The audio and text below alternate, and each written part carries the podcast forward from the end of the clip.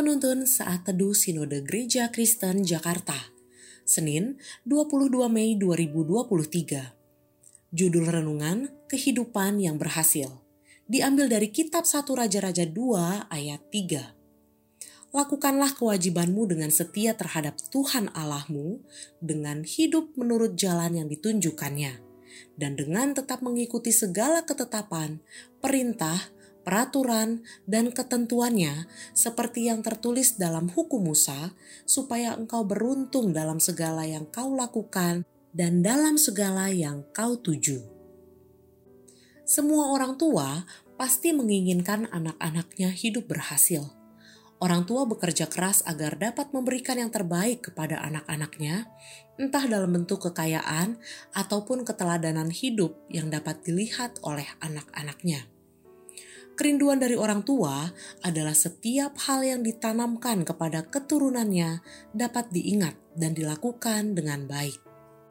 Pesan terakhir Raja Daud kepada Salomo adalah hidup sesuai dengan kehendak Tuhan atau berjalan di dalam Dia Artinya, penting sekali dalam hidup untuk berpegang pada perintah Allah dan melakukan kewajiban yang ditetapkan oleh Allah.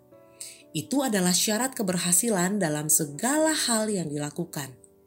Sebagai seorang pemimpin, Raja Daud sudah mengalaminya dan dia memberikan amanat kepada Salomo yang akan melanjutkan kepemimpinannya.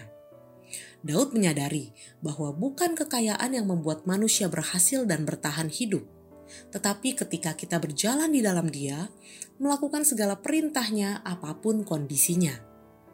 Kesetiaan dalam melakukan kewajiban kita terhadap Allah merupakan dasar kita dapat menjalani kehidupan kita. Ketika kita menyadari bahwa berjalan dalam Tuhan dan setia kepadanya menjadi prioritas, maka kita akan melihat kekayaan, bekerja keras dari sudut pandang kasih kita kepada Allah bukan menuntut harus memiliki banyak harta karena kekayaan adalah lambang keberhasilan, tetapi sebuah keberhasilan adalah ketika kita memperoleh segala sesuatu dengan tetap berjalan dalam Dia, melakukan kehendaknya, dan berpegang pada perintahnya. Yang penting adalah berhasil di matanya. Seseorang disebut berhasil bukan dari kekayaan yang dimiliki, tetapi ketika dia menjaga kesetiaan berjalan di dalam Tuhan sampai akhir hidupnya.